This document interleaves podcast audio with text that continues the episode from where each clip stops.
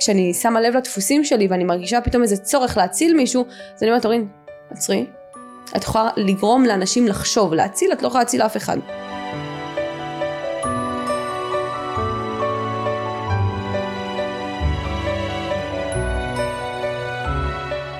שלום וברוכים הבאים לפודקאסט נפש לוחמת, הפודקאסט שידבר על בריאות הנפש, תהליכי התפתחות וסיפורים מעוררי השראה. אני המנחה שלכם אורין ג'ולי, והיום יש איתי אישה מאוד מאוד מיוחדת שעוסקת בכל כך הרבה תחומים, וכבר ייסדה שיטה משלה. טל שרעבי מייסדת שיטת נומרל... נומרוליסטי, מלווה תהליכי טיפול וריפוי, העצמה, יוצרת ומנחה ריטריט, חיבורים מבראשית, ובקרוב אה, מקימה את הקורס ובחרת בחיים. יש כל כך הרבה על מה לדבר עם האישה המדהימה הזאת שאני הולכת אליה לסשנים של ריברסינג לפחות פעם בחודש ואני עוד מעט גם בריטריט שלה שזה בכלל מרגש ואני רוצה שתגידו שלום לטל שרעבי המהממת. מה שלומך טל? מעולה, תודה רבה לך. יופי. ככה אהובה ויקרה. חיים שלי. אז אני אשמח אה, שככה אני, את יודעת, נתתי מכל הדברים שאת עושה, אבל בואי רגע תמקדי אותנו. מה את עושה, טל? אוקיי. אז הכל התחיל מ... שתאריך לידה מספר לי סיפור. אה, אני פחות מתחברת לנמורולוגיה, כי אני חושבת שאנחנו יכולים לשנות. אנחנו מעל הטבע.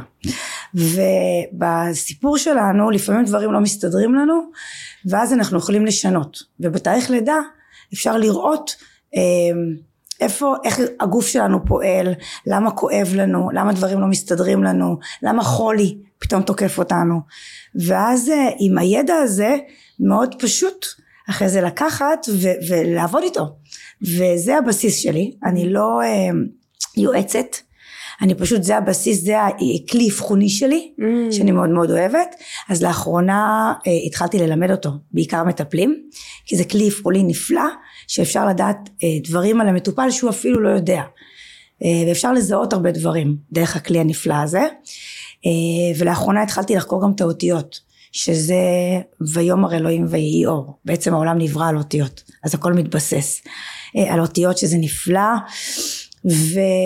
ואני מטפלת בשיטת ריברסינג ריברסינג זו שיטה מדהימה של נשימה מעגלית שבעצם מה שהיא עושה, כל חוויה שאנחנו חוות במהלך החיים, היא בעצם, אה, ברגע שאת חווה את החוויה, באופן אוטומטי ואינטואיטיבי, אנחנו עוצרים את הנשימה. נכון. ואז החוויה בעצם נשמרת לנו בנשימה.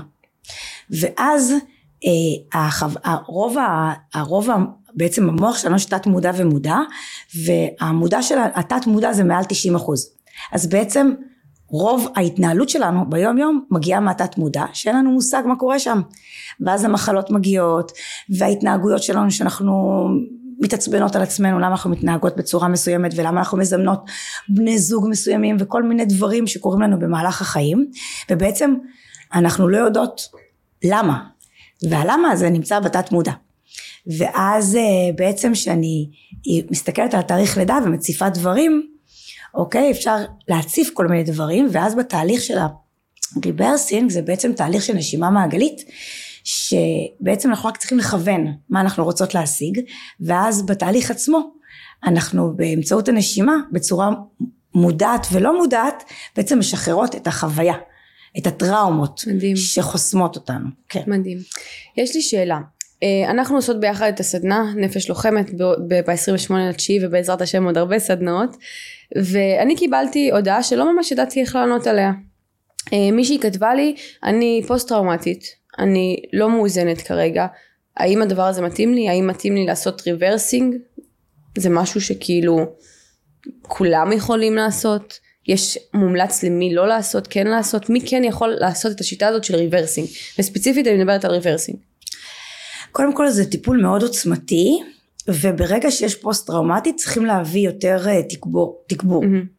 כשאני מגיעה לסדנאות וברגע שאני יודעת שיש אה, נשים שהן אה, אה, פוסט טראומטיות אז אני מביאה יותר אה, אה, תמיכה איתי, שאני אדע שיש לי מישהי שאני יכולה להצמיד לתהליך, כי התהליך עצמו הוא מציף לנו הרבה דברים, אנחנו נפגשות עם הרבה הרבה אה, אה, כאבים ו, ו, ו, ואנחנו יכולות, לה, זיכרונות יכולים, יכולים לעלות ואנחנו אה, יכולים אפילו להעריך דברים, זה כאילו תהליך שהוא מאוד מאוד עוצמתי, ומישהו שהוא פוסט טראומטי אז הוא נפגש שם, הוא יכול להיפגש עם אותם אה, אה, אה, טראומות, שבעצם מה שנחשף בפניו זה משהו שהתרפא, אז זה דבר שהוא מצוין, אבל התהליך צריך להיות מלווה בצורה צמודה. Mm. אז אני לפוסט טראומטיים הייתי ממליצה קודם כל לבוא לטיפול פרטני, mm. אבל אם היא מגיעה לסדנה, אז צריך להביא, להביא יותר תמיכה. תמיכה, מעניין. כן. ואני עושה הרבה פעמים את הדבר הזה של ריברסינג ביחד איתך. ואני מאמינה גדולה בכך שצריך לעבור דרך הכאב כדי להתרפא. טוב.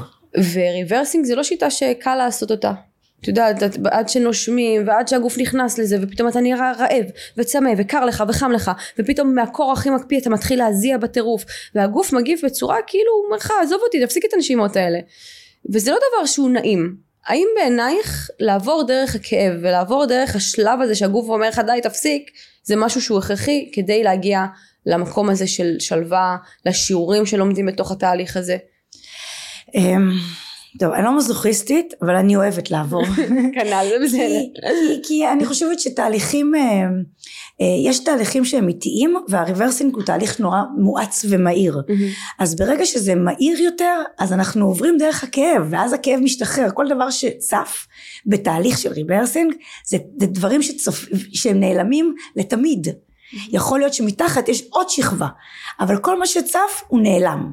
ואני חושבת שהמקום הזה, הוא צריך קודם כל צריך להיות במקום שאת מרגישה שאת מוגנת, ואת צריכה אה, להרגיש שהתהליך, התהליך של הנשימה הוא תהליך מאוד מאוד בטוח.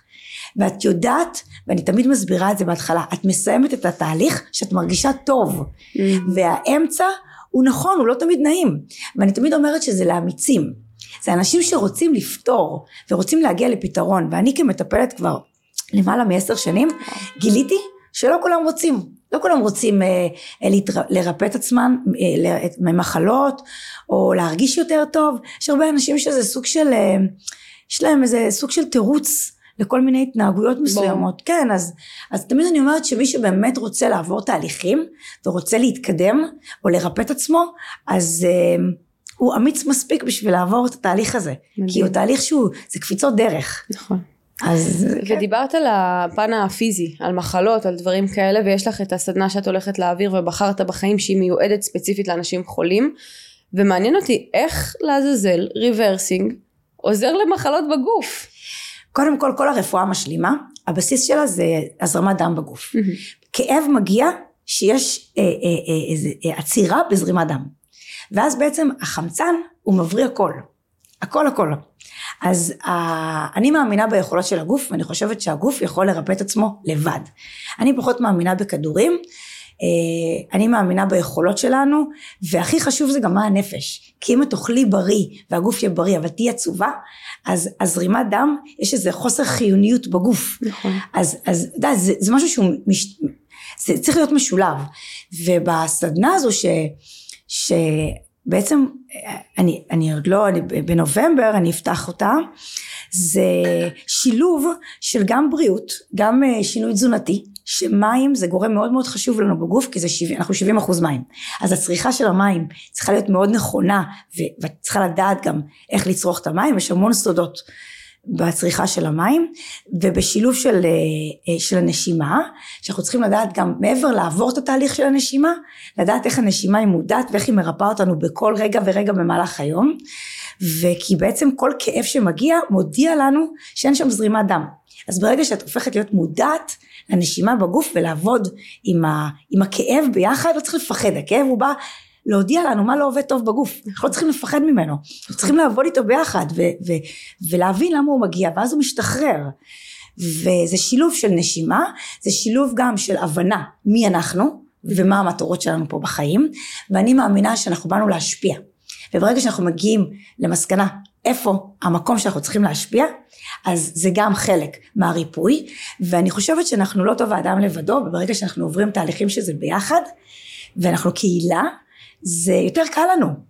אז, אז זה, זה חלק מהסדנה הזו, זה הביחד, זה הלהיות מודעת ל- ל- לתזונה שלנו ומה אנחנו נכנסים לגוף, זה להיות מודעת לתחושות שלנו ולחפש מה עושה לנו טוב, זה התנועה, אני גם מורה לריקוד אז, אז אני אוהבת מאוד את התנועה בגוף, אה, וזה הנשימה, שהנשימה זה הכל. אני תמיד רואה את הנשימה, כי ה...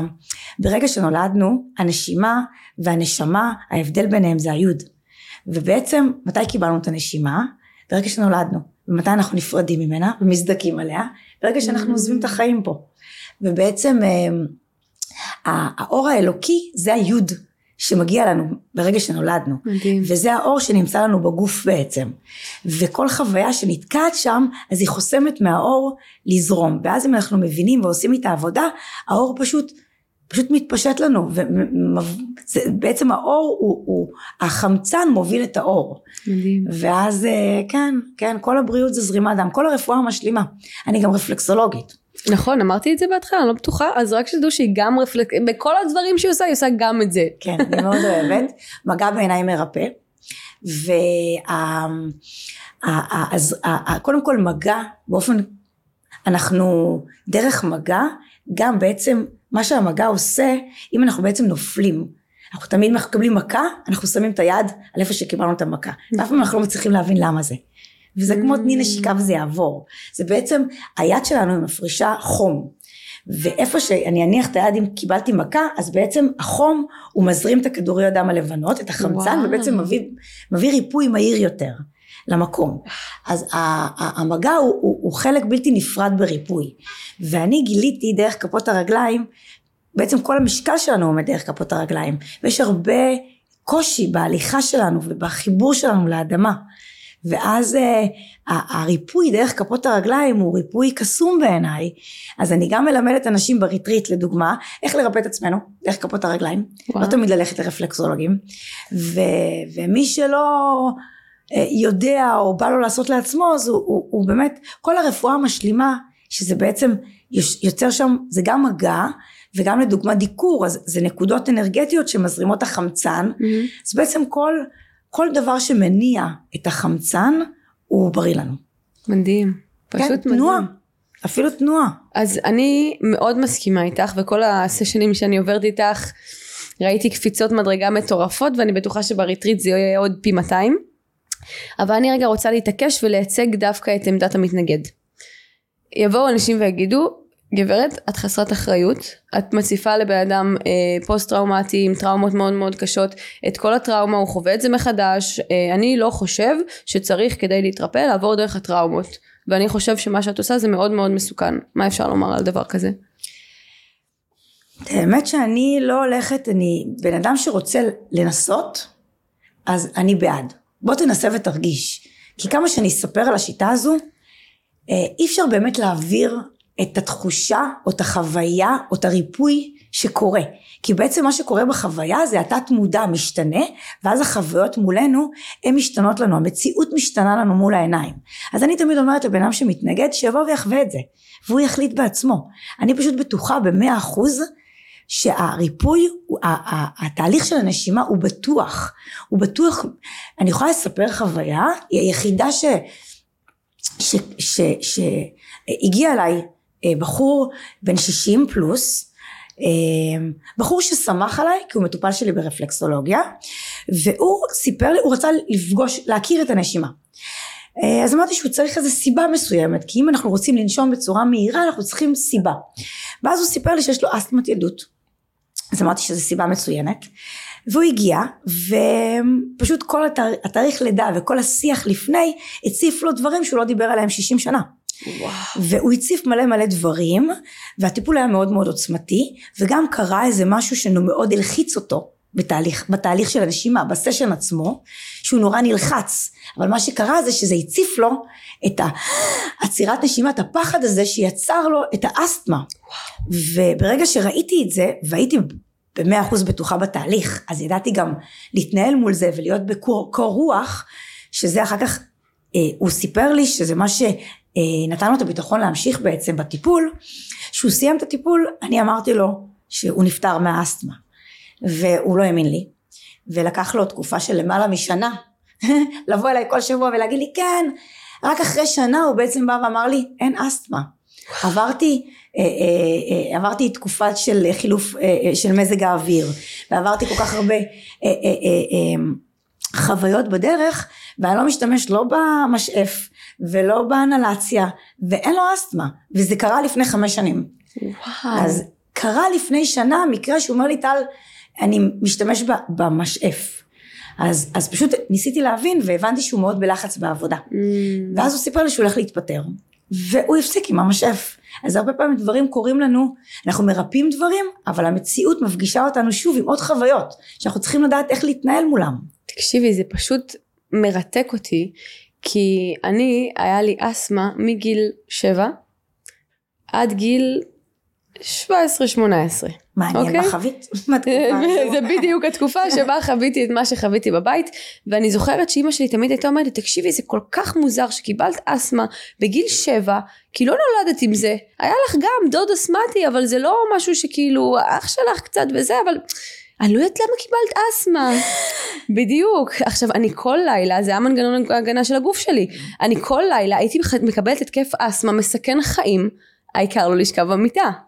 ופתאום כשהדבר הזה נפסק, ההתעללות שחוויתי נפסקה, אז, אז קודם כל חזרתי לנשום, זה דבר ראשון, והוכחתי בצבא שאין לי אסתמה, הרי זו הייתה המלחמה שלי, להוכיח שאין לי אסתמה כדי לעבור לקרבי. ופתאום אני חושבת כמה הדבר הזה קריטי לאסמטים, בעיקר אסמטים שלא, ש, שכאילו קיבלו את זה במהלך הדרך ולא נולדו עם זה. עזבי, אני גם מאמינה בהעברה בין דורית, שאם נולדת עם אסתמה אז כנראה יש שם איזשהו משהו, אבל אני אומרת כאילו, אם הייתה לך אסתמה פתאום באמצע החיים, בטוח קרה שם משהו, גם אתה בטוח כנראה יודע מה היה שם באזור הזמן הזה, ולך, לך לריברסינג הזה, כי אתה, אתה פשוט מכניס לעצמך נשימה שהייתה חסרה. נכון. וזה פשוט דבר מדהים. נכון, נכון. וואו. קודם כל אסתמה שמגיעה בילדות, החוויה הכי טראומטית שלנו בגוף, אנחנו לא מודעים אליה, אבל זו חוויית הלידה. Mm. בעצם נורא נעים לנו בבטן, ופתאום כשאנחנו יוצאים לעולם, ונוגעים בנו, ומסנוורים אותנו, ומרעישים לנו, ההלם הזה ביציאה החוצה זה, זה עצירת נשימה, הנשימה הראשונה שלנו היא בעצם מאוד מאוד עמוקה שמייצרת אסתמה. וואו. זה כן. יש, יש אה, אה, הרבה פעמים שאני מזהה את זה, אז יש טיפולים במים שבעצם מדמה את, את, את הבטן, בעצם את הרחם, שזה ממש נעלם מאוד מהר. ויש לי נגיד מטופלת שילדה שבשני טיפולים, ילדה בת עשר, העלימה אסתמה. יואו. כן, אצל ילדים אין יותר מדי שכבות. אה. אז, אז מהר מאוד, ש, ו, ואני דווקא לא תמיד, בניסיון שלי, לא תמיד אנשים זוכרים מה קרה. אה, אוקיי. לא תמיד, לא תמיד הם זוכרים, כי זה הרבה פעמים קרה ב, ב, ב, או בילדות, או דברים שהדחקנו, וזה בתשעים ומשהו אחוז של התת מודע, שאנחנו לא רוצים. גם mm. כל כך קשה לזכור טראומות שמקשות עלינו. אז אנחנו חוסמות בשביל את, את הטראומות ואת הזיכרונות בשביל לתפקד. הבנתי, לי, גם... לי פשוט זה היה כנראה, השלחתי את זה מעצמי כי אני כאילו היה לי ברור לגמרי מה קרה, מתי קרה ואיך קרה. את מיוחדת, אבל... את זוכרת הכל, לא באמת, לא לא, אה, את זה, זוכרת מאוד. זה כן פגע לי בזיכרון, הטראומה, את יודעת, אני זוכרת כמובן בפלשבקים כאלה, אבל אני זוכרת פשוט פחות או יותר מתי הדבר הזה התחיל, ואז כשאימא אמרה לי יואו איך רק בגיל שבע קיבלת אסתמה, אז הייתי כבר כאילו אה את ממש מופתעת? כאילו, למה את מופתעת? ואז זה מעניין, כי זה נכון, כי מצד שני אני אומרת, יש אנשים שזה מאוד צף להם וכזה, ויש אנשים שלגמרי מכניסים את זה לאיזה קופסה שחורה בדיוק. בתת מודע ולא זוכרים בכלל מה קרה. זה מרתק, זה, אני חושבת שזה גם, ריברסינג יכול לעזור לשפר את הזיכרון? בטח, זה מזרים דם. כי הוא מציף הרי זיכרונות של, נגיד אני בסשן האחרון, בשבוע שעבר שעשיתי איתך, צפו לי דברים שכאילו מי, מי חשב עליהם בכלל? פתאום ראיתי את הבית של סבא וסבתא שלי, אה, דיברתי עם הסבתות שלי, זה היה כאילו דבר הזוי לחלוטין. אז כאילו מעניין אותי אם זה יכול אה, פתאום להביא זיכרונות חדשים. בטח, זה התת מודע. הרי המוח שלנו מתחלק בין המודע לתת מודע. Mm-hmm. ובעצם מה שהריברסינג עושה, הוא, הוא, הוא משחרר הרבה חוויות מהתת מודע. אז בדרך הוא מאיר לך, הוא מזכיר לך. כי כל מה שצף זה בעצם זיכרונות שהם עצרת בהם את הנשימה והן מוחזקות אצלך ומנהלות אותך ביום יום וואו. ואז את משחררת אותם אז פתאום ההתנהגות שלך ביום יום היא כבר שונה. ואת כבר לא מפחדת מאותם דברים. אה, את לא אה, מתגוננת האמונות המקבילות שלך משתנות הביטחון שלך משתנה החולי.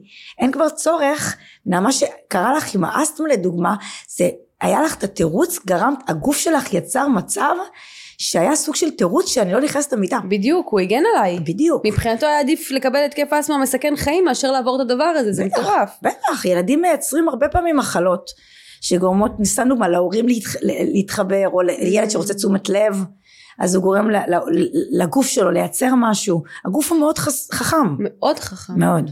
וואו, זה פשוט מדהים ומרתק, ואני כאילו כל פעם שאני עושה את הריברסינג, עולות לי תשובות לשאלות שאין סיכוי שהייתי פותרת במודע, זה היה לוקח לי שנים לפתור את זה במודע. ואני כאילו מסיימת סשן של איזה שעה ומשהו, אני כזה, אה, מה? קודם כל אני תמיד יוצאת יותר יפה ממה שנכנסתי. ברור. נכון? אני יודעת איזה יפה. ברור, את מוארת, נכון, כי, כי כאילו- זה הזרמת דם לכל הגוף. הפנים, כי לא יודעת, משהו שם ממש נפתח. ועכשיו אני אשאל, אם עכשיו יש בן אדם שיש לו איזושהי טראומה ספציפית, משהו שהוא מנהל אותו וממש לא מצליח להיפטר מהדבר הזה. אני אישית הייתי באה אלייך לסשנים מעכשיו עד סוף החיים שלי פעם בחודש, אבל מישהו שיגיד כמה טיפולים אני צריך כדי, לא יודעת, להיפטר מהטראומה. הריפוי הוא בנשימה, לכל דבר. השאלה, אם את יודעת איזה, איזה נשימה יצר את אותה, את אותה בעיה. אז זה יכול להיפתר בפעם אחת, או צריך תהליך. עכשיו הרבה פעמים אנחנו רוצים לפתור משהו, אבל הרבה דברים צפים בדרך, שפתאום אנחנו רוצים עוד, עוד הקלה בדרך, או אנחנו לא תמיד מודעים, אנחנו יודעים מה אנחנו רוצים, אבל ברגע שמתחיל להיות לנו קל, הרי בריברסינג את, את מזרימה חמצן לכל הגוף. נכון. אז מעבר לפיזי שמאיר אותנו ומחיה לנו את הפנים ואת כל הגוף, אני לדוגמה לעולם לא, לא עבדתי על חולי מסוים והגוף שלי עברי לגמרי ובגלל זה בקורונה לא הייתה לי דאגה, ב- כאילו לא פחדתי בכלל וואו. כי ידעתי שהגוף שלי חסין, אני חזקה, אז, אז לא הייתה לי, לא היה לי פחד, והפחד היום מאוד מנהל אותנו. ברור. אנחנו כל הזמן, כל כך הרבה מחלות סביבנו, אז כל פעם שכואב איזה משהו, ישר הדמיון ו, ומחשבה מייצרת מציאות. ישר אני אומרת, יואו, כואב לי בצד שמאל, מה זה אומר, הלב, ואז המחשבה בעצם מכווצת לי את הגוף. מייצרת סטרס. סטרס, בסטרס הנשימה היא יותר אה, אה, אה, סגורה, מבינה היא יותר מכווצת, ואז הפחד הוא בעצם יכול לייצר לי. אז ברגע שאת יודעת שיש לך כלי, שאת יכולה להשתמש בו ולרפא את עצמך בכל רגע נתון, אז כאילו אין מתנה גדולה ממנה. מדהים. אני, הילדים שלי חוו איזה משהו, אני חייבת לשתף, לפני שבוע, ושתיהם חזרו ב... הבת שלי הייתה ממש בטראומה, והבן שלי ראיתי איך הוא מחזיק את זה וככה זולגת לו דמעה ברגע שהוא סיפר לי ולא יודעת מה לעשות עם זה בתור אימא מגוננת מה יכולתי לעשות? הילדים חוו את זה. אבל אז הבנתי שיש לי את הכלי המדהים הזה. ואמרתי להם תקשיבו בבקשה אחת בוא ניכנס כל אחת בנפרד בוא, בוא ניכנס וננשום. ואז כל אחד נכנס לחדר ונשם. וגם אני הרגשתי כאילו שאני יודעת אה, הקלה שהילד חווה טראומה וזה לא מוחזק אצלו כי כל טראומה יכולה להיות מוחזקת ולייצר לנו בעתיד הרבה בעיות וואו. ומחלות. אז פתאום את אומרת איזה בקלות בקלות ובצורה טבעית. את יודעת, אנחנו לא נשימה זה דבר טבעי זה נורא קל וואו, זה פשוט מדהים, קסם. עשית לי עכשיו חשק לפני שאני אימא ללמוד ריברסינג, אני, אני ממליצה וואו. לכולם באמת אני ממליצה לכולם תקשיבי, זה פשוט דבר מדהים, אני חושבת שזאת מתנה ענקית שאת נותנת לילדים שלך, זה שאת גם, את יודעת, מטופלת בעצמך ומבינה את עצמך וזה, זה בכלל מתנה ענקית שכולנו יכולים לתת לילדים שלנו אם נעשה. ואני רוצה שנעבור קצת לדבר על נורמולוגיה, נומרולוגיה, למה אני לא מצליחה להגיד את המילה הזאת? נומרולוגיה. אמ, לי יש קצת סייג לגבי השיטה, או לא רוצה חס וחלילה להישמע שופטת או משהו כזה, אבל אני מרגישה שהרבה פעמים אנשים הולכים לנומרולוגיה או לאסטרולוגיה או לכל הדברים המיסטיים והרוחניים הרבה לפני שהם יודעים את עצמם, הרבה לפני שהם מבינים את הדפוסים שלהם, את הטראומות שלהם, את הדברים שגורמים להם להתנהג בצורה המסוימת שבה הם מתנהגים והם מחפשים נורא את התשובה בחוץ. זאת אומרת אני אלך עכשיו אה, לשמוע אסטרולוגיה לפי המזל שלי ואז אני אדע מה אני צריך לעשות או אני אלך לנומרולוגיה והם לא מוכנים לעבודה עצמית ולא רוצים עבודה עצמית ואני מרגישה שכל השיטות האלה שהן שיטות מצוינות כאשר אתה יודע את עצמך הן יכולות להוביל אותך לאיזשהו מקום של רוחניות רעילה כזאת לזה שאתה כאילו עכשיו סוג של מואר ומבין ויודע אבל אתה עדיין פועל על אותם דפוסים יכול להיות אפילו נרקיסיסטים שאתה לא מודע אליהם או על כל הטראומות שאתה חווית ואז אתה הרבה יותר רעיל והרבה יותר מבלבל גם את עצמך וגם את הסביבה כי אתה מדבר את השפה מצד אחד אבל מצד שני אתה פועל בהתנהגויות לא בריאות אז אני אשמח לשמוע מה דעתך על זה. קודם כל אני מסכימה איתך אה אוקיי. וזו הסיבה שאני לא נומרולוגית כי אני חושבת שאם יגידו לי דברים, אה, אני אלך על פי מה שאמרו לי. ואז אני לא באמת אתחבר למי שאני. בגלל זה אני מאוד אוהבת שזה כלי אבחוני. אני אוהבת להגיד מה אני רואה, ולרוב אם אני, לא, אם אני טועה, זה אומר שהאדם לא מאוזן. Mm. אבל אני יכולה לראות, אני לא רואה משהו רע במספרים, אני רואה רק דברים טובים. אבל בגלל זה אני מאוד מאוד אוהבת להציף, ואני חושבת שהידע הזה הוא ידע שאנחנו לא באמת, אנחנו רואים תמונה כוללת. ואז אני בדרך כלל עושה את זה, אני לא מטפלת בנומרולוגיה, כי אני חושבת ש... כי אני מסכימה איתך, כי אני אומרת, אני מפחדת שבן אדם ייקח את זה וילך לפי מה שאמרתי לו. ואני אומרת, כל אחד צריך ללכת לפי מה שהוא מרגיש מבפנים. ובגלל זה אני תמיד מציפה, ואני אוהבת שאחר כך באים ונושמים. Mm. שבעצם אני מציפה, אני נוגעת בכל מיני נקודות, ובעצם אחרי זה שדברים צפים, אנחנו רואים את האמת שבדברים.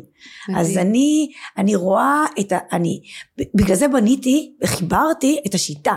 כי השיטה היא בעצם, למה קראתי לה נומרוליסטי? כי זה נומרולוגיה הוליסטית. אה, אני רואה את כל התמונה הגדולה. יש, יש תמונה שהיא מורכבת, אנחנו כולנו מורכבים די דומה, כי יש סך הכל תשע מספרים.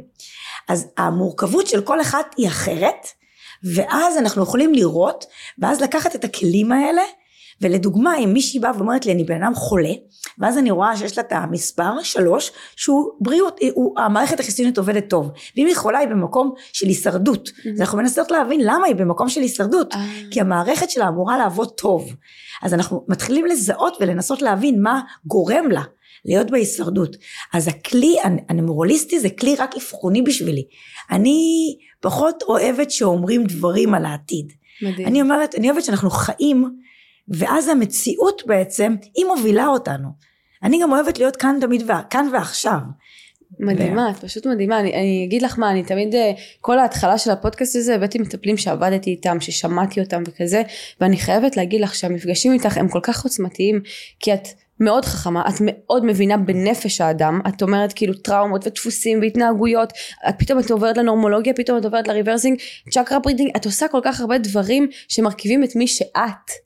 ואת מה. שאת נותנת וזה פשוט מרתק אז עכשיו לטובת הצופים שלנו ולטובת הסקרנות כי זה מסקרן אין מה לעשות אני כבר יודעת מה תגידי לי על המספרים אבל אנחנו נעשה לי אבחון קצר כזה לפי התאריך לידה השם מה שתרצי ויאללה תני את משנתך אני חייבת רק לציין שאת החיבורים מבראשית, שאת... הריטריט הריטריט, שאת הולכת לחוות אותו שבוע הבא, אני נורא מתרגשת. גם אני. מתרגשת גם בשבילי ובעיקר בשבילך.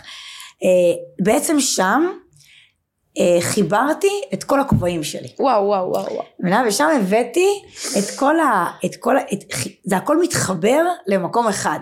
ובעצם מה שאני רוצה להביא, ו, והבאתי, זו, זו פעם רביעית, זה אה, שלהעביר את כל הידע שלי אל, אלייך לדוגמה כמשתתפת, שתיקחי אותו הביתה ותשתמשי איתו ביום יום. וואו כל טיפול הוא בעצם קפיצת מדרגה, והריטריט זה, זה קומה, וואו. את קופצת, ואז את, יש לך מספיק את היכולות ואת הידע לעשות הכל בבית. מדהים אז נכון שלפעמים זה כיף ללכת לטיפולים, גם אני מטופלת, ואז זה נורא כיף, כי ככה אנחנו מתקדמות. נכון אנחנו באנו לפה כל הזמן להתקדם. אז, אה, אז קודם כל אני מתרגשת. עכשיו לגבי התאריך לידה שלך. כן. אוקיי, כתבתי לפניי. אוקיי, אז את 28, נכון ששתיים זה רגש, ושתיים זה אומר שגם את מאוד נקבית ונשית. נכון אז תמיד כשאני רואה שתיים, את 28 לשני, יש לך פעמיים שתיים. אז אני תמיד כשאני רואה הרבה שתיים, אני מנסה להבין מה מבחינת ההתפתחות המין, הנקבית שלך קרה בילדות. Mm, ואז הייתי ישר הולכת ומנסה להבין מה קרה שם. עכשיו, השמונה, השתיים זה גם אומר לי שיש לך המון כוח אגב בידיים, יש לך ידיים מרפאות, שאם זה כואב למישהו או לך, את פשוט שמה את היד, את יכולה להיעזר בנשימה, ואת פשוט ממש מרגישה את החום. נכון את מרגישה את זה ביום? כן אני עושה את זה לגל הרבה מהמם, הוא הרוויח. 28, 8, בעצם אם תרשמי את המספר 8, יש שם את כל המספרים. זה אומר שאת כל יכול. זה אומר שמה שאת רוצה, את מסוגלת. ואת יכולה, זה אומר שאת גם מתאימה את עצמך לכל סביבה. זה אומר גם שאת רוצה הכל, ולא תמיד את מרוצה. כי את תמיד רוצה, את שאפתנית והישגית, ואת תמיד רוצה להתקדם עוד ועוד. ואם אנחנו לוקחים את ה-2 ו-8, 28, זה נותן לנו 1. זה אומר שהדרך פעולה שלך זה דרך ההיגיון. אם אני אסביר לך דברים שהם לא הגיוניים לך, את לא תאמיני לי. אמת לאמיתה. בדיוק, את אומרת אני רוצה את ההיגיון, וכשאני מבינה את ההיגיון אני פועלת מאוד מהר. את ביצועיסטית זריזה, הבנתי ועכשיו אני פועלת. מבינה? אבל לא תמיד אפשר להגיד לך מה לעשות. כי את מנהלת של עצמך, ואת אל תגידו לי מה לעשות, זה בדרך שלי ורק שלי, שזה מעולה. בגלל זה את תמיד צריכה להוביל את עצמך. ולהוביל אחרים, כי את רואה את ההיגיון, ואז את יודעת להנחות את זה בצורה מאוד מדויקת. עכשיו, שתיים, את גם פברואר, זה אומר לי שיש לך את הרגישות, יש את, את פועלת מהנשמה. זה אנשים שהם פועלים מהלב. מהרצון שלהם זה לתת. לפעמים עד שסוחטים אותם מדי, מבינה? ואז... זה הם... הקיצון. בדיוק. לא תמיד זה הקיצון, זה, זה ההתנהגות היומיומית שלך הטובה מאוד. ואז ברגע שאת נותנת, אז את יכולה ברגע נורא להתעצבן, מבינה? כי את, את נורא נותנת, ואז לרגע, דקה אחרי זה גם להתאפס, ולהגיד אוקיי, לא רציתי לפגוע, אבל, כי את נורא נורא טובה, מבינה? טובה ברמה שאפשר לסחוט אותך, בלי שתרגישי. עכשיו, אם אנחנו לוקחים את ה-28 שזה 1 ופברואר שזה 2, mm-hmm. אוקיי, נותן 3. זה אומר שיש לך המון הגנות. אבל זה אומר שהדרך שחיית היא הייתה מאתגרת. כי ההגנות באו ואמרו, אנחנו המלאכים שלך, אמרו, אנחנו שם. אנחנו תומכים. זה אומר שהבחירה שלך בגלגול הזה, יש לי צמרמורת, יואו. נכון, כי זה נכון. כי זה נכון. כי זה נכון, כי גם שומרים תמיד עלייך, מבינה? וגם תמיד דברים מסתדרים לך, אבל בדקה ה-90. וזה אומר לי גם שאת מאוד מצחיקה, יצירתית. כן, אני מצחיקה? מאוד. אז אנחנו צריכים מאוד. לבדוק את זה טל, כי אני לא מרגישה מצחיקה. זה אומר לי שאת uh, נמצאת המון במקום ההישרדותי. עדיין? לא נראה לי. אה, אותי את מצחיקה. כן? אולי, כן. אני מצחיקה אחרים, אני לא מצחיקה את עצמי, וזה מה שמבאס. אולי יגיע יום, אותי תמיד מצחיקה, אה, ואני כן. חושבת שאת גם מצחיקה את עצמך, את פשוט לא זוכרת. יכול להיות, אולי אני סתם קשה עם עצמי, אני לא, לא יודעת. לא, בדיוק, אותי את נורא מצחיקה. את מבינה, וזה הדרך שלך גם, תמיד אה, אה, אני מרותקת ממך, בגלל שאת יודעת להעביר את זה בצורה נורא נורא הומוריסטית ומצחיקה, mm. ויש לך, זה התנהלות כזו מסוימת של סוג של... איך אני אגיד את זה, סוג של דיבה כזו, שזה מצחיקה אותי תמיד, וזה לגמרי את. זה אומר גם שאת מאוד מאוד אה, יצירתית, זורמת, אה, ו- ו- ואת יודעת גם תמיד לצאת ממצבים. זה, זה גם, יש לך, מעבר שאת אה, נמצאת במקום מסוים, אז המלאכים שלך, הם, הם מטפלים בכל האנשים סביבך. וזה אומר שהרצון הראשוני שלך, זה לבוא ולהציל. יפ יפ יפ. בדיוק. ואם אני עוברת לשנה, השנה אומר שזה חמש, 1994. נכון. נותן חמש. חמש זה הבנתי נקסט. אל תסבירו לי פעמיים. אוקיי? זה יש לך את היכולת, את פיקחית מאוד, ויש לך את היכולת הראייה המרחבית. את רואה מלמעלה את כל, את כל הסיפור. אני יכולה להתחיל לספר לך סיפור, ואת כבר ראית את ההמשך, נכון. את האחורה, את הקדימה, את מה, כל מה שקרה שם, ואז את ישר, את נורא עניינית. מבינה? נכון. וזה אומר בוא נתקדם. קדימה. נכון. וזה אומר שאת מאוד טכנית, ויש לך יכולת להסתגל למצבים. את טובה במרחבים ואת צריכה המון space. ובדרך כלל, מי אוהב את החמישיות? המדיה והמצלמה, אה. כן? זה אנשים שיש להם מסר להעביר, אה. אוקיי? ואז המדיה מאוד נתפסת. אם עכשיו איפשהו הייתה מצלמה, מבינה? היא הייתה מגיעה אלייך, mm. בלי שום קשר למה חווית, אוקיי? בחיים באופן אוטומטי, אולי תסתכלי על זה איפשהו במהלך החיים שלך. ברור, תמיד זה היה ככה. בדיוק. תמיד חיפשתי אותה, היא חיפשה אותי, זה היה כזה. בדיוק. את יודעת שזה מרתק, כי הדברים שאת אומרת, הם סופר נכונים, אני הסתכלתי עליהם תמיד כל הזמן דרך העיניים ה... נקרא לזה של האימון הרגשי, הפסיכותרפיה, ונגיד אה, מה שאמרת על ההיגיון לצורך העניין. אני תמיד אומרת שגם בתור ילדה הייתי מחפשת את ההיגיון. כשאבא שלי היה עושה לי, הייתי שואלת אותו למה? למה אתה עושה את זה? למה? רק למה? אני רק רציתי כל הזמן לדעת למה. והלמה הזה השאיר אותי בתוך מקום מאוד מאוד קורבני, אבל הוא גם נתן לי את האופציה לחפש את התשובות האמיתיות שאנשים אחרים לא יכולים לתת לי. ולכן אני הגעתי לתוך המקום הזה של תהליכי התפתחות ובריאות הנפש ולחקור ולהבין ש... מהפוגעים התשובה למה לא תגיע כי הם לא יודעים בעצמם. אז כשאני יודעת למה אני חומלת אותם ומשחררת אותם. אז ההיגיון היה בהתחלה נגדי במרכאות והיום הוא רק לטובתי כי היום זה, זה לא מפעיל אותי ולצורך העניין זה של להציל. אני ידעתי שההתנהגות של להציל הגיעה אליי בכלל בגלל שאמרו לי אם תספרי אז אתה הרסי את הבית, אבא יישב בכלא, המשפחה תהיה ברחוב וכו' וכו' וכו'. אז אני אמרתי אוקיי אז ההתנהגות הזאת נולדה, הרצון להציל כל הזמן נולד, נולדה מתוך מה שהמשפחה שלי עשתה לי. אבל הנה את אומרת זה אפילו כתוב במספרים שלי שזה מדהים ואני תמיד יודעת כשאני שמה לב לדפוסים שלי ואני מרגישה פתאום איזה צורך להציל מישהו אז אני אומרת אורין עצרי את יכולה לגרום לאנשים לחשוב, להציל, את לא יכולה להציל אף אחד. וזה, וזה משהו שאני כאילו נורא עובדת איתו, ואם אני יודעת גם שזה בא מתוך המספרים שלי מלכתחילה, יש לי גם הרבה חמלה כלפי עצמי. כי זה מה שקיבלתי, וקיבלתי את זה מראש, אז כאילו, זה לא שאני כאילו אה, אה, תפוקה, או שהמשפחה דפקה אותי, או כזה, יש לי איזושהי עוד יותר חמלה כלפי עצמי, כלפי הרצון הזה להציל, וכלפי ההיגיון, וכל הדברים האלה שאת אומרת, ואני חושבת שזה כלי הכוונה סופר מרתק. וזה דבר מדהים. נכון, נכון. וואו, זה פשוט ואצלך במספרים גם רשום לך שאת את צריכה לטפל ולהעביר, את מחברת ו, ו, ומעבירה המון ריפוי, אור ואהבה. עכשיו, את בחרת במילה חמלה, ואם תהפכי את המילה חמלה, את תקבלי מחלה. נכון. והחלמה. מבינה? אז את נכון. היית סוג של, במקום של ש, ש, ש, אני לא אקרא לזה מחלה. מחלה, מחלה, מחלה, אבל, מלחמה, איך שאת רוצה. בדיוק. זה בדיוק אז, זה. בדיוק. אז העברת את זה למקום, את נכון. הבנת מהמקום החומל שלך. מבינה? ובגלל זה ככה הצלחת לרפא, וכל מה שאנחנו חווים בילדות, זה אומר שאנחנו מבינים, הגוף שלנו מבין משהו, ואנחנו יכולים להיות בשביל אחרים.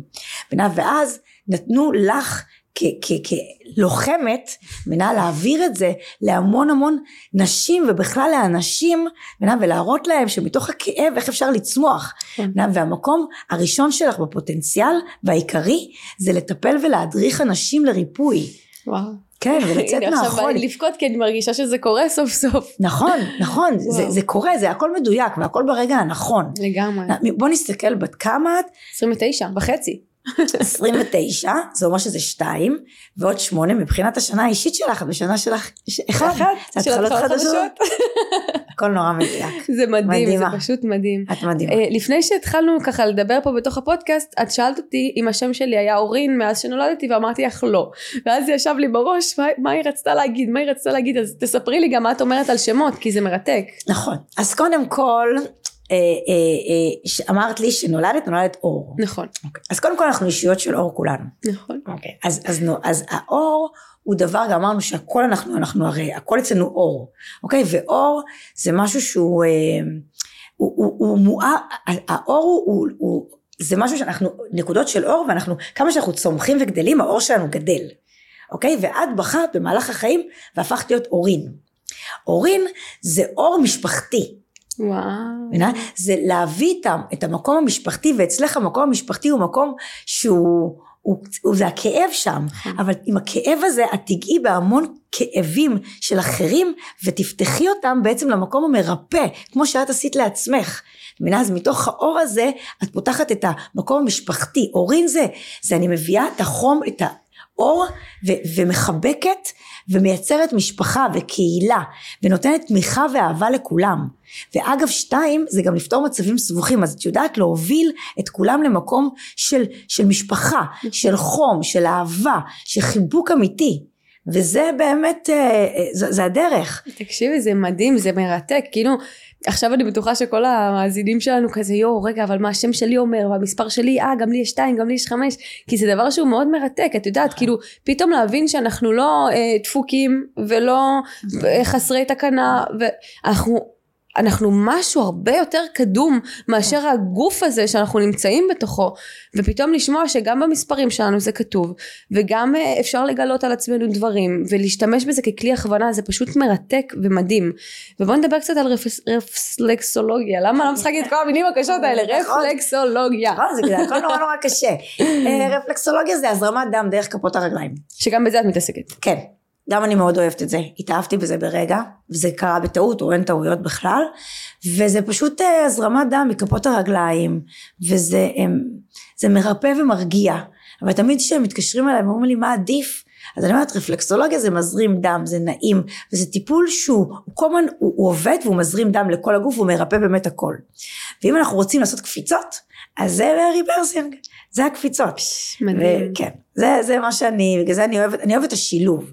אז אני הרבה פעמים בתוך הנשימות שקשה, או אני רואה איזה אנרגיה תקועה, אז אני נעזרת דרך כפות הרגליים. ואני Mm. מזרימה, ואני גם עובדת עם רייקי. מה זה רייקי? סליחה, את זה אני לא? מכירה עדיין. כן, כי אני עושה את זה באופן אה, אה, אה, מוסתר. אוקיי. בעצם פעם הרגשת בטיפולים חום שאת שיוצא נוגעת בי? ממני? כן. כן, בטח, מלא זה פעמים. הרייקי. וואו. כן, לך יש רייקי טבעי. וואו. בעצם אני מזרימה, אני עוזרת לאנרגיה שלך לצאת, או, או אני עוזרת לה, אני, אני איתך באנרגיה, כל מה שקורה לך בגוף, אז אני עוזרת לה, בתהליך עצמו. זה מבינה? מדהים. כן, הרייקי אני- זה גם מדהים.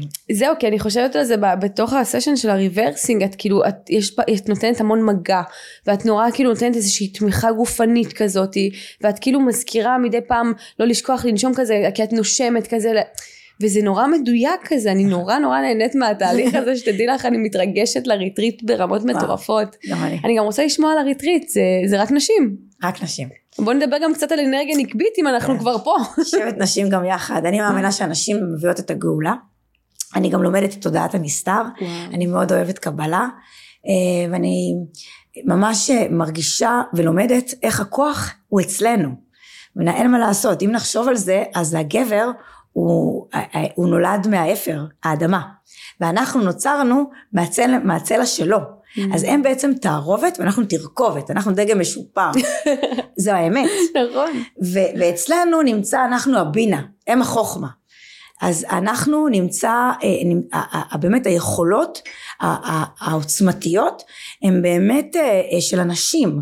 היום הנשים נהיות חזקות יותר ולפעמים זה בא גם על חשבון דברים אחרים. גם על חשבון האנרגיה הנקבית שלהם הרבה בדיוק, פעמים. נכון, נכון, אז הרבה פעמים קשה להם להיכנס להיריון ויש כל מיני, אנדומטריוזיס, בדיוק. כל הווסטיבוליטיס, כל המחלות האלה שיש ברחם. נכון, זה נכון. מצביע הרבה על העניין הזה של אנרגיה נקבית, הישרדות- הישרדותיות, כל מיני דברים נכון, כאלה. נכון, כי אין איזון בין הצדדים.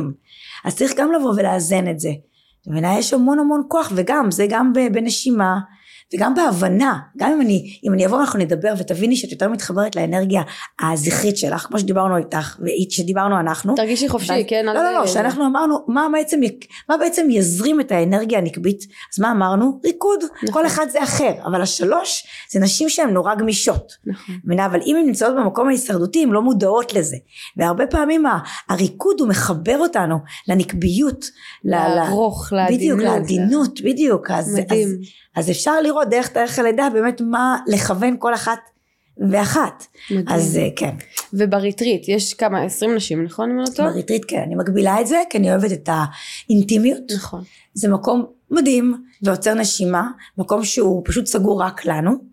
מבינה שאי אפשר, אף אחד לא יגיע לשם, זה מקום אה, מאוד אה, אה, אה, טבע, הוא מדבר, אין שם יותר מדי, יש ברור שישנים במזגן, ויש מישהי מדהימה שבאה ומכינה לנו לאכול, והמקום הוא מתוחזק ומאוד נקי, אבל הרעיון זה שאין שם יותר מדי חומר, ואם באמת קשה לך, אז תחפשי את זה בתוכך. קראתי ל- לריטריט חיבורים מבראשית, כי גם אנחנו מתחברות כל אחת לעצמה. בעצם, וגם אנחנו מתחברות אחת לשנייה. ובראשית זה בראשית, זה בעצם התשתית?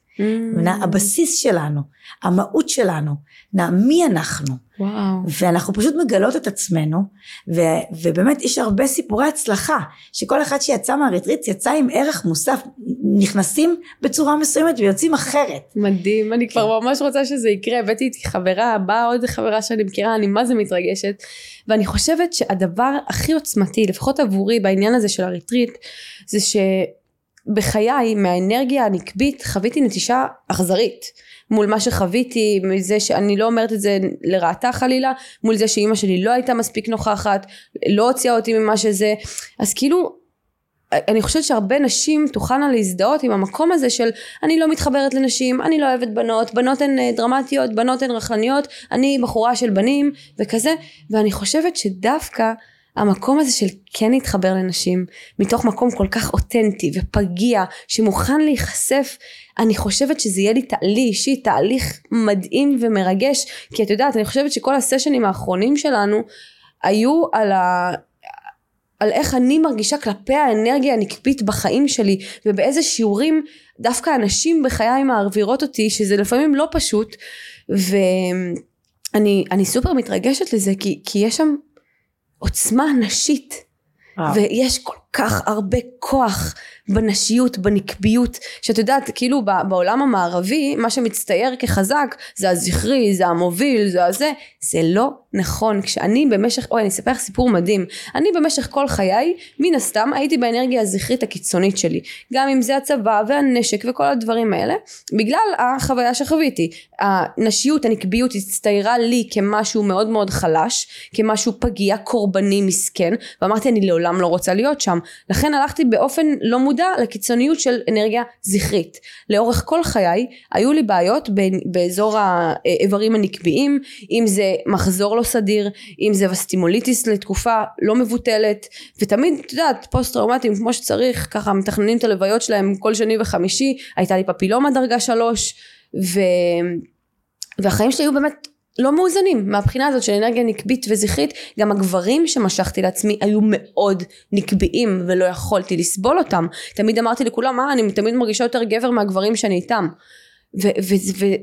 וזה כל כך פשוט להבין שבסוף זה רק עניין של אנרגיה זכרית ונקבית. כמה את מוכנה לשבת ולהיות נקבית ולדעת לקבל ולא להוביל ולא לזה ויש שם איזשהו משהו שקרה דווקא עם גל.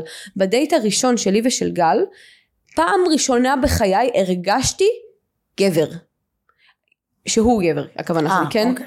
הרגשתי שיושב מולי גבר. בלי מניירות, בלי פוזות, בלי ניסיון להוכיח כלום, בלי כלום. הוא פשוט ישב והיה שם איזשהו משהו נורא יציב שהוא נתן והרגשתי את הגבריות שלו ואמרתי וואו וואו וואו זה מקום שאני רוצה להיות בו. עכשיו הדבר המדהים הוא שאני במשך כל הזמן הזה שהייתי עם גל הייתי לוקחת גלולות. אז המחזור הגיע לי בצורה סדירה. אחרי שנה אחת של טיפול נעלמה הפפילומה שזה היה דבר מטורף לחלוטין ואת יודעת כולה מה עשיתי? הלכתי לדבר על הטראומה שלי אבל זה הגוף המון. ש... זה המון. הגוף שחרר את זה לחלוטין והפפילומה התרפא לחלוטין מדרגה שלוש לכלום והדבר הכי מדהים שהדהים אותי לחלוטין ביום שהתחתנו הפסקתי את הגלולות אמרתי לו את מה שיקרה אני משאירה בידי בורא עולם אם אני צריכה להיכנס להיריון אני אכנס להיריון אבל אני מפסיקה את הגלולות לחלוטין והפחד שלי היה שעוד פעם המחזור שלי יהיה לא סדיר. שימי לב לדבר המדהים שקרה. אנחנו התחתנו בספטמבר האחרון. מספטמבר עד מאי המחזור שלי הגיע פק"ל כל חודש בזמן בלי גלולות. במאי המחזור שלי היה אמור להגיע אבל הלכתי למילואים. במילואים?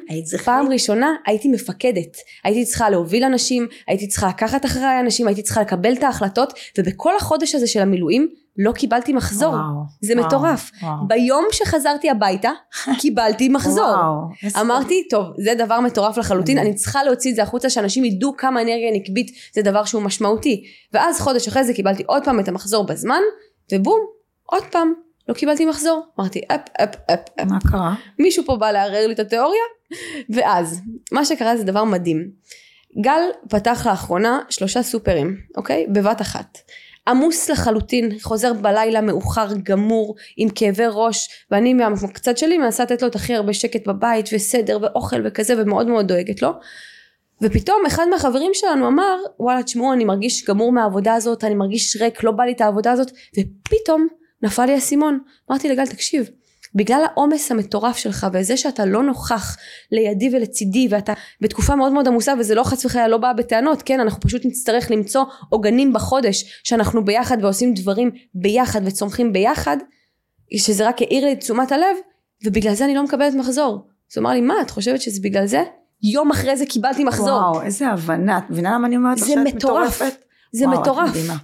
אז, וואו. אז אני רוצה שנשים תדענה שהעניין כל מה שיש לכן באיברים הנקביים אם זה אנדומטריוזיס, וסטיבוליטיס הכל בר ריפוי מתוך עצמכן מתוך הכל. איזון מערכת היחסים מת... וואי הנה יש לי צמרמורת זה פשוט אומר שזה נכון מתוך איזון. מערכת היחסים, מתוך הפירוק של הטראומות הקשות שחווינו, מתוך הבגידה שחווינו מהעולם הנקבי, או אפילו מהעולם הזכרי, שגרם לנו להגיע לקיצון של האנרגיה הנקבית. ואת יודעת, לא כל החיים גל ואני נהיה כמו שאנחנו מאוזנים באנרגיה הנקבית והזכרית, יש מצבים שכנראה אני אצטרך להוביל, יש מצבים שהוא יצטרך להוביל, אבל נקודת המוצא זה שהוא הגבר, הוא הזכר, הוא מוביל, הוא מחליט, ואני האישה. ואני הנקבה וזה לא מוריד ממני להפך זה מוסיף לי פי כמה רמות וכשנדע להוביל נשים מהמקום הזה של אנרגיה נקבית נרפא את העולם הזה ממש. נרפא את העולם ממש. הזה שנבין את כשאנחנו- הכוח. בדיוק כשאנחנו מרפאות את עצמנו אנחנו גם מרפאות את הגברים לידינו, ופתאום הם מתחברים לרגש, ופתאום הם יכולים לראות את העולם בצורה שהם לא ראו קודם, והם נהיים בריאים. נכון. וזהו, זה, זה אושר גדול הדבר הזה, אני מצפה לריטריט הנקבי הזה כל כך. אני יכולה להגיד שבסוכות עשיתי גם וגם, ויש דרישה. ל- לגם גברים? כן, יש דרישה, הרבה מבקשים ממני, ואני פשוט מרגישה, זה, זה תלוי, זה, כל אחת היא שונה. ואני אני בן אדם נורא נקבי, והרבה יותר נוח לי. אני עושה מה שנוח לי ומה שאני מאמינה בו. ואני מאוד מאמינה בכוח נקבי. אני חושבת שזה הרבה יותר, אה, אה, הרבה יותר מאפשר להיות רק בסביבה שהיא נקבית. אז, אה, אז זה בחירה שלי.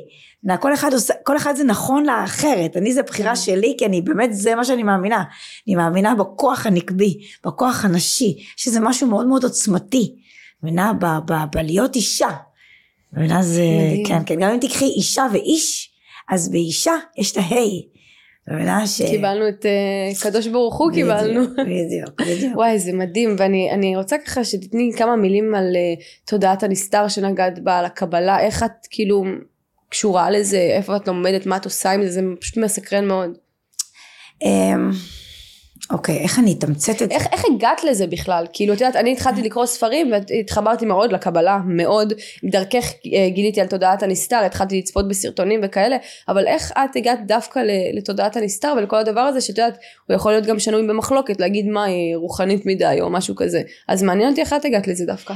האמת אני תמיד אהבתי, אמ, הייתי, ההורים שלי הם מסורתיים, ותמיד אהבתי להיות, אימא שלי, ש- היא שמרה שבת תמיד והיא אף פעם לא הכריחה אותנו, אז היא לא גרמה לי איזה אנטי מסוים. ו... ותמיד אני, אני מרגישה בתפילה, אני מרגישה את הכוח בתפילה. ולמדתי המון שנים, אני הרבה שנים עוקבת אחרי הרב יובל השערוב, למעלה מ-20 שנה אני הולכת לשיעורי קבלה, ומשהו שאבא שלי נפטר לפני אה, שלוש שנים, שלוש וחצי, אז אני בן אדם צריכה להבין את ההיגיון. ואמרתי, רגע, ב- בלוויה היה לי איזה ממש אה, אה, סיטואציה לא נעימה ולא זיהיתי אותו. ואז זה משהו ש, ש, שהלך איתי ואמרתי איך זה הגיוני שאני לא מזהה את הגוף? מה קורה פה? והייתי חייבת ללכת ולחקור. ואז חקרתי על המוות קליני. והייתי חייבת להבין מה קורה. ואז המוות קליני הוביל אותי בעצם ללימודים עמוקים יותר שמתבססים כי מה שקורה במוות קליני שהבורא אה, כבר מפיץ את זה ולמעלה ממאה מיליון אנשים חוו מוות קליני וואו וכולם מספרים את אותו סיפור. כולם מספרים את אה, איך שהם ראו את הבורא ואיך הכל אהבה. הכל מבוסס על אהבה. ובאנו לפה קודם כל בשביל לחבר ובשביל לאהוב ובשביל להשפיע. מבינה? והחומר הוא לא באמת חומר, אני לא אכנס לזה כי זה כן, מאוד כן. בדיוק, זה, זה גם כל כך הגיוני וצריך להבין אותו. ויש כל כך הרבה עומק וכל כך הרבה אופטימיות.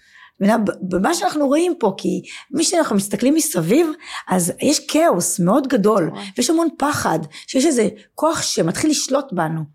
גם בכלכלה, וגם אנחנו רואים מה קורה פה במדינה, ובאמת דברים מתחילים לקרוס. וברגע שאת מקבלת את הביטחון הזה, גם בבורא וגם בכוח הזה, זה, זה, לי זה נתן המון המון אופטימיות, המון כוח, המון ביטחון. וככה יצרתי את השיטה שאני מטפלת בריברסינג, אז אני רואה את הספירות. והספירות מובילות אותי. רק תסבירי להם. שספירות זה מהקבלה בדיוק, זה מהקבלה, אבל גם לא אכנס לזה. כן. זה החסד, גבורה, מי שמכיר, אבל אני לא נכנסת לזה, גם אני לא משתפת אף אחד, אני פשוט Mm. ככה מטפלת. ויום יבוא ואני אפתח בית ספר, אז שם אני, אני, אני, אני אלמד את זה, אבל אחרי שאני, יודעת, אני, אני צריכה לעבור עוד תהליך, אז אני עוד לא שם. אבל זה, כשאני רואה מטופל אז אני רואה הרבה דברים מעבר שאני מכירה מהקבלה. ו, והקבלה היא, היא נפלאה בעיניי כי, כי אני- מאוד, גם במספרים, לא לכולם יש את הבורא. מבינה? ואין מה לעשות. ובגלל זה אני אומרת שיש כאלה שקוראים לזה הבורא ויש כאלה שקוראים לזה הבריאה. היקום. או היקום, כן. או הכוח הזה, וכל אחד רואה את זה אחרת, אבל אה, לי זה נותן המון אה, שקט נפשי וידע, הידע הזה הוא כוח בשבילי, הוא, הוא, אני מצליחה לראות את ההוליסטי, את השלם, את הטוב, את היכולת שלנו, כי הכל זה אנחנו, בהכל, בריפוי, אין, אין חיצוני. ואז היכולת הטיפולית שלי היא הרבה יותר הוליסטית, כי אני חושבת שכל מה שבא מולנו, בעצם הוא קיים בתוכנו. בהכרח. ואז כל פעם שמגיעים אליהם מטופלים, אז אני לא מסתכלת על מה בחוץ, הוא והוא והוא, אני מסתכלת, רגע, מה ההוא אומר לך? ואז הטיפול הוא הרבה יותר מדויק. אני גם חושבת למה זה כל כך נכון? כי אנשים לא מבינים שהדרך שבה הם רואים את העולם זאת קצת הלשנה על האופי שלהם קצת הרבה הלשנה על האופי שלהם. בדיוק בגלל זה ראיתי אצלך איך הידע שאני הכרתי אותך פעם הראשונה והבנתי את ההבנה הגבוהה שלך הבנתי שאת הולכת להיות עילוי מאוד מאוד גדול. כי, כי את יחסית צעירה מבינה?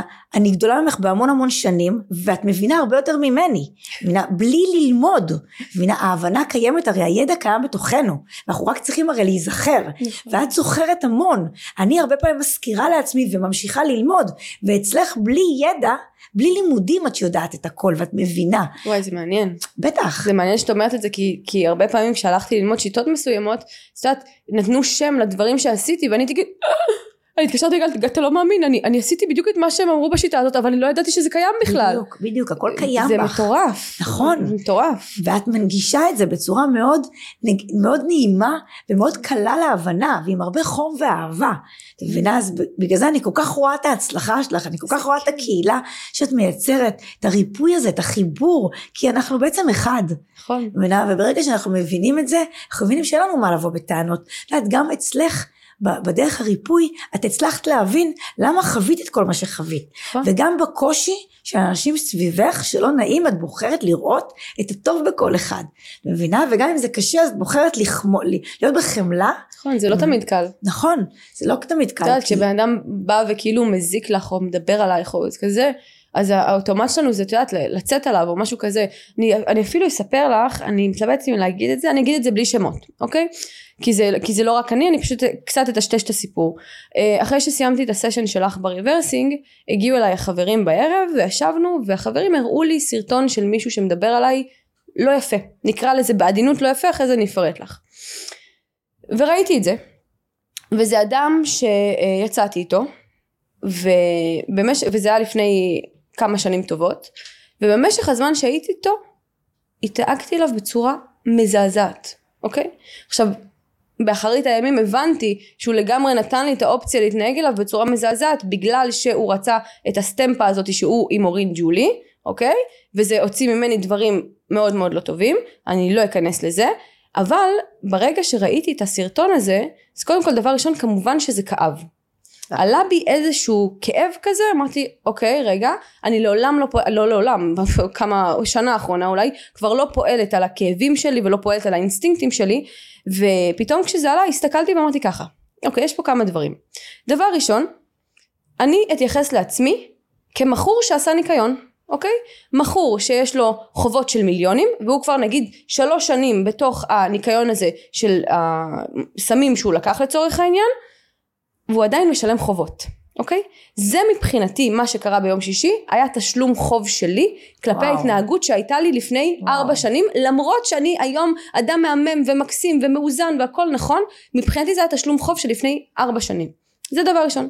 דבר שני אמרתי ככה האיש הזה מאז שאני מכירה אותו זקוק לאישורים חיצוניים אוקיי זה לא דבר רע זה לא דבר טוב או רע זה לא זה עובדתי הוא צריך אישורים חיצוניים על מנת לחזק את עצמו שיגידו כמה הוא גבר כמה מצחיק כמה כזה וזה לא משנה אני לא אכנס לזה. וזה לא קשור אליי.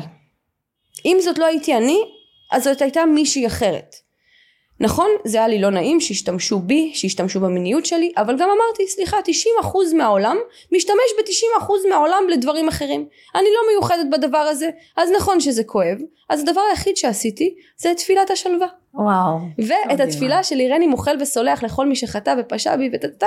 זה הדבר היחיד שעשיתי וואו. נתתי לעצמי לכאוב על הילדה שהייתי, על גם אני אסביר שאני יצאתי איתו לפני 4-5 שנים בגלל שלחצו עליי, בגלל שהוא התנהג אליי יפה אז הסביבה נורא לחצה עליי לצאת איתו, אני לא רציתי, אני לא נמשכתי, אני לא הרגשתי שאני רוצה אז התשלום שקיבלת. בדיוק, ואז התשלום שקיבלתי על זה שלא ידעתי להציב את הגבולות שלי, שלא ידעתי להקשיב לעצמי ולאינטואיציה שלי, כן שילמתי את זה עוד כמה שנים אחרי זה, אבל היום כל כך טוב לי, ואני בזוגיות כל כך וואו. אוהבת ומחבקת, שאני כאילו הדבר היחיד שאני יכולה זה להתפלל עליו ולהגיד לו כן. תודה על עוד שיעור. מדהים. מבינה? ואני, ואני חושבת שזה אחד הדברים הכי חשובים שקורים בתהליך, זה זה שכאילו, קודם כל יכולת העמידות שלך עולה. ברור. הדברים לא מזיזים ומסירים אותך, כי אם, היה, אם זה היה קורה לפני שלוש שנים, וואלה איסטר.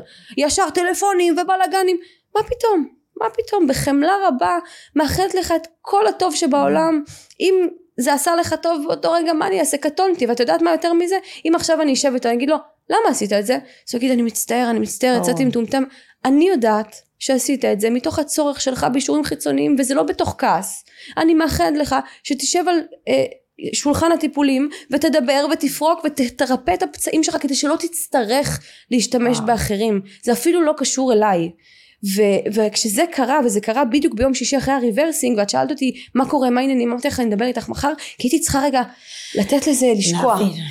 ו- ואני וזה תמיד מדהים שאחרי כל טיפול ריברסינג קורה לי משהו ברור. בא לי איזשהו משהו שמפגיש אותי עם משהו ש- שפחדתי ממנו בעבר ואני הרבה יותר חזקה כדי להתמודד איתו בוודאי. שזה היה פשוט דבר מרתק לראות וואו. ותודה לך על הטיפולים האלה תודה לך, זה, כל אחד, בגלל זה אני אומרת, כל אחד בוחר בזה. הרי את נושמת, אני לא עושה שום דבר. מבינה, אני סך הכל צינור. מבינה, אני גם לא עושה, מי שלא נושם, בגלל זה נורא חשוב לי, לדוגמה בריטריט, זה כן להבין מי מגיע. כי אם אנשים מגיעים בשביל בטן גב, אני אומרת להם, לכו לסיני.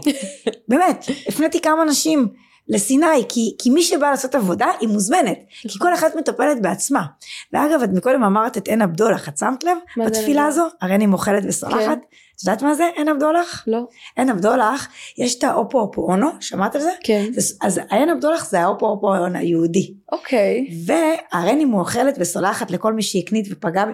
זה, זו תפילה שבעצם אומרת שכל מה שקורה לי, קיים, כל מה שקורה לי, קיים בי. נכון ואז אני לוקחת על עצמי, מבינה, בעצם מה זה עין הבדולח? זה איך שאת מסתכלת, במקום להסתכל החוצה, את הפכת את הראייה אלייך, ואז ביקשת בתפילה שאם זה קורה זה קיים בך, ואז שחררת את זה ממך. וואו אז את מבינה כמה את עוצמתית? את עושה דברים אפילו בלי להבין.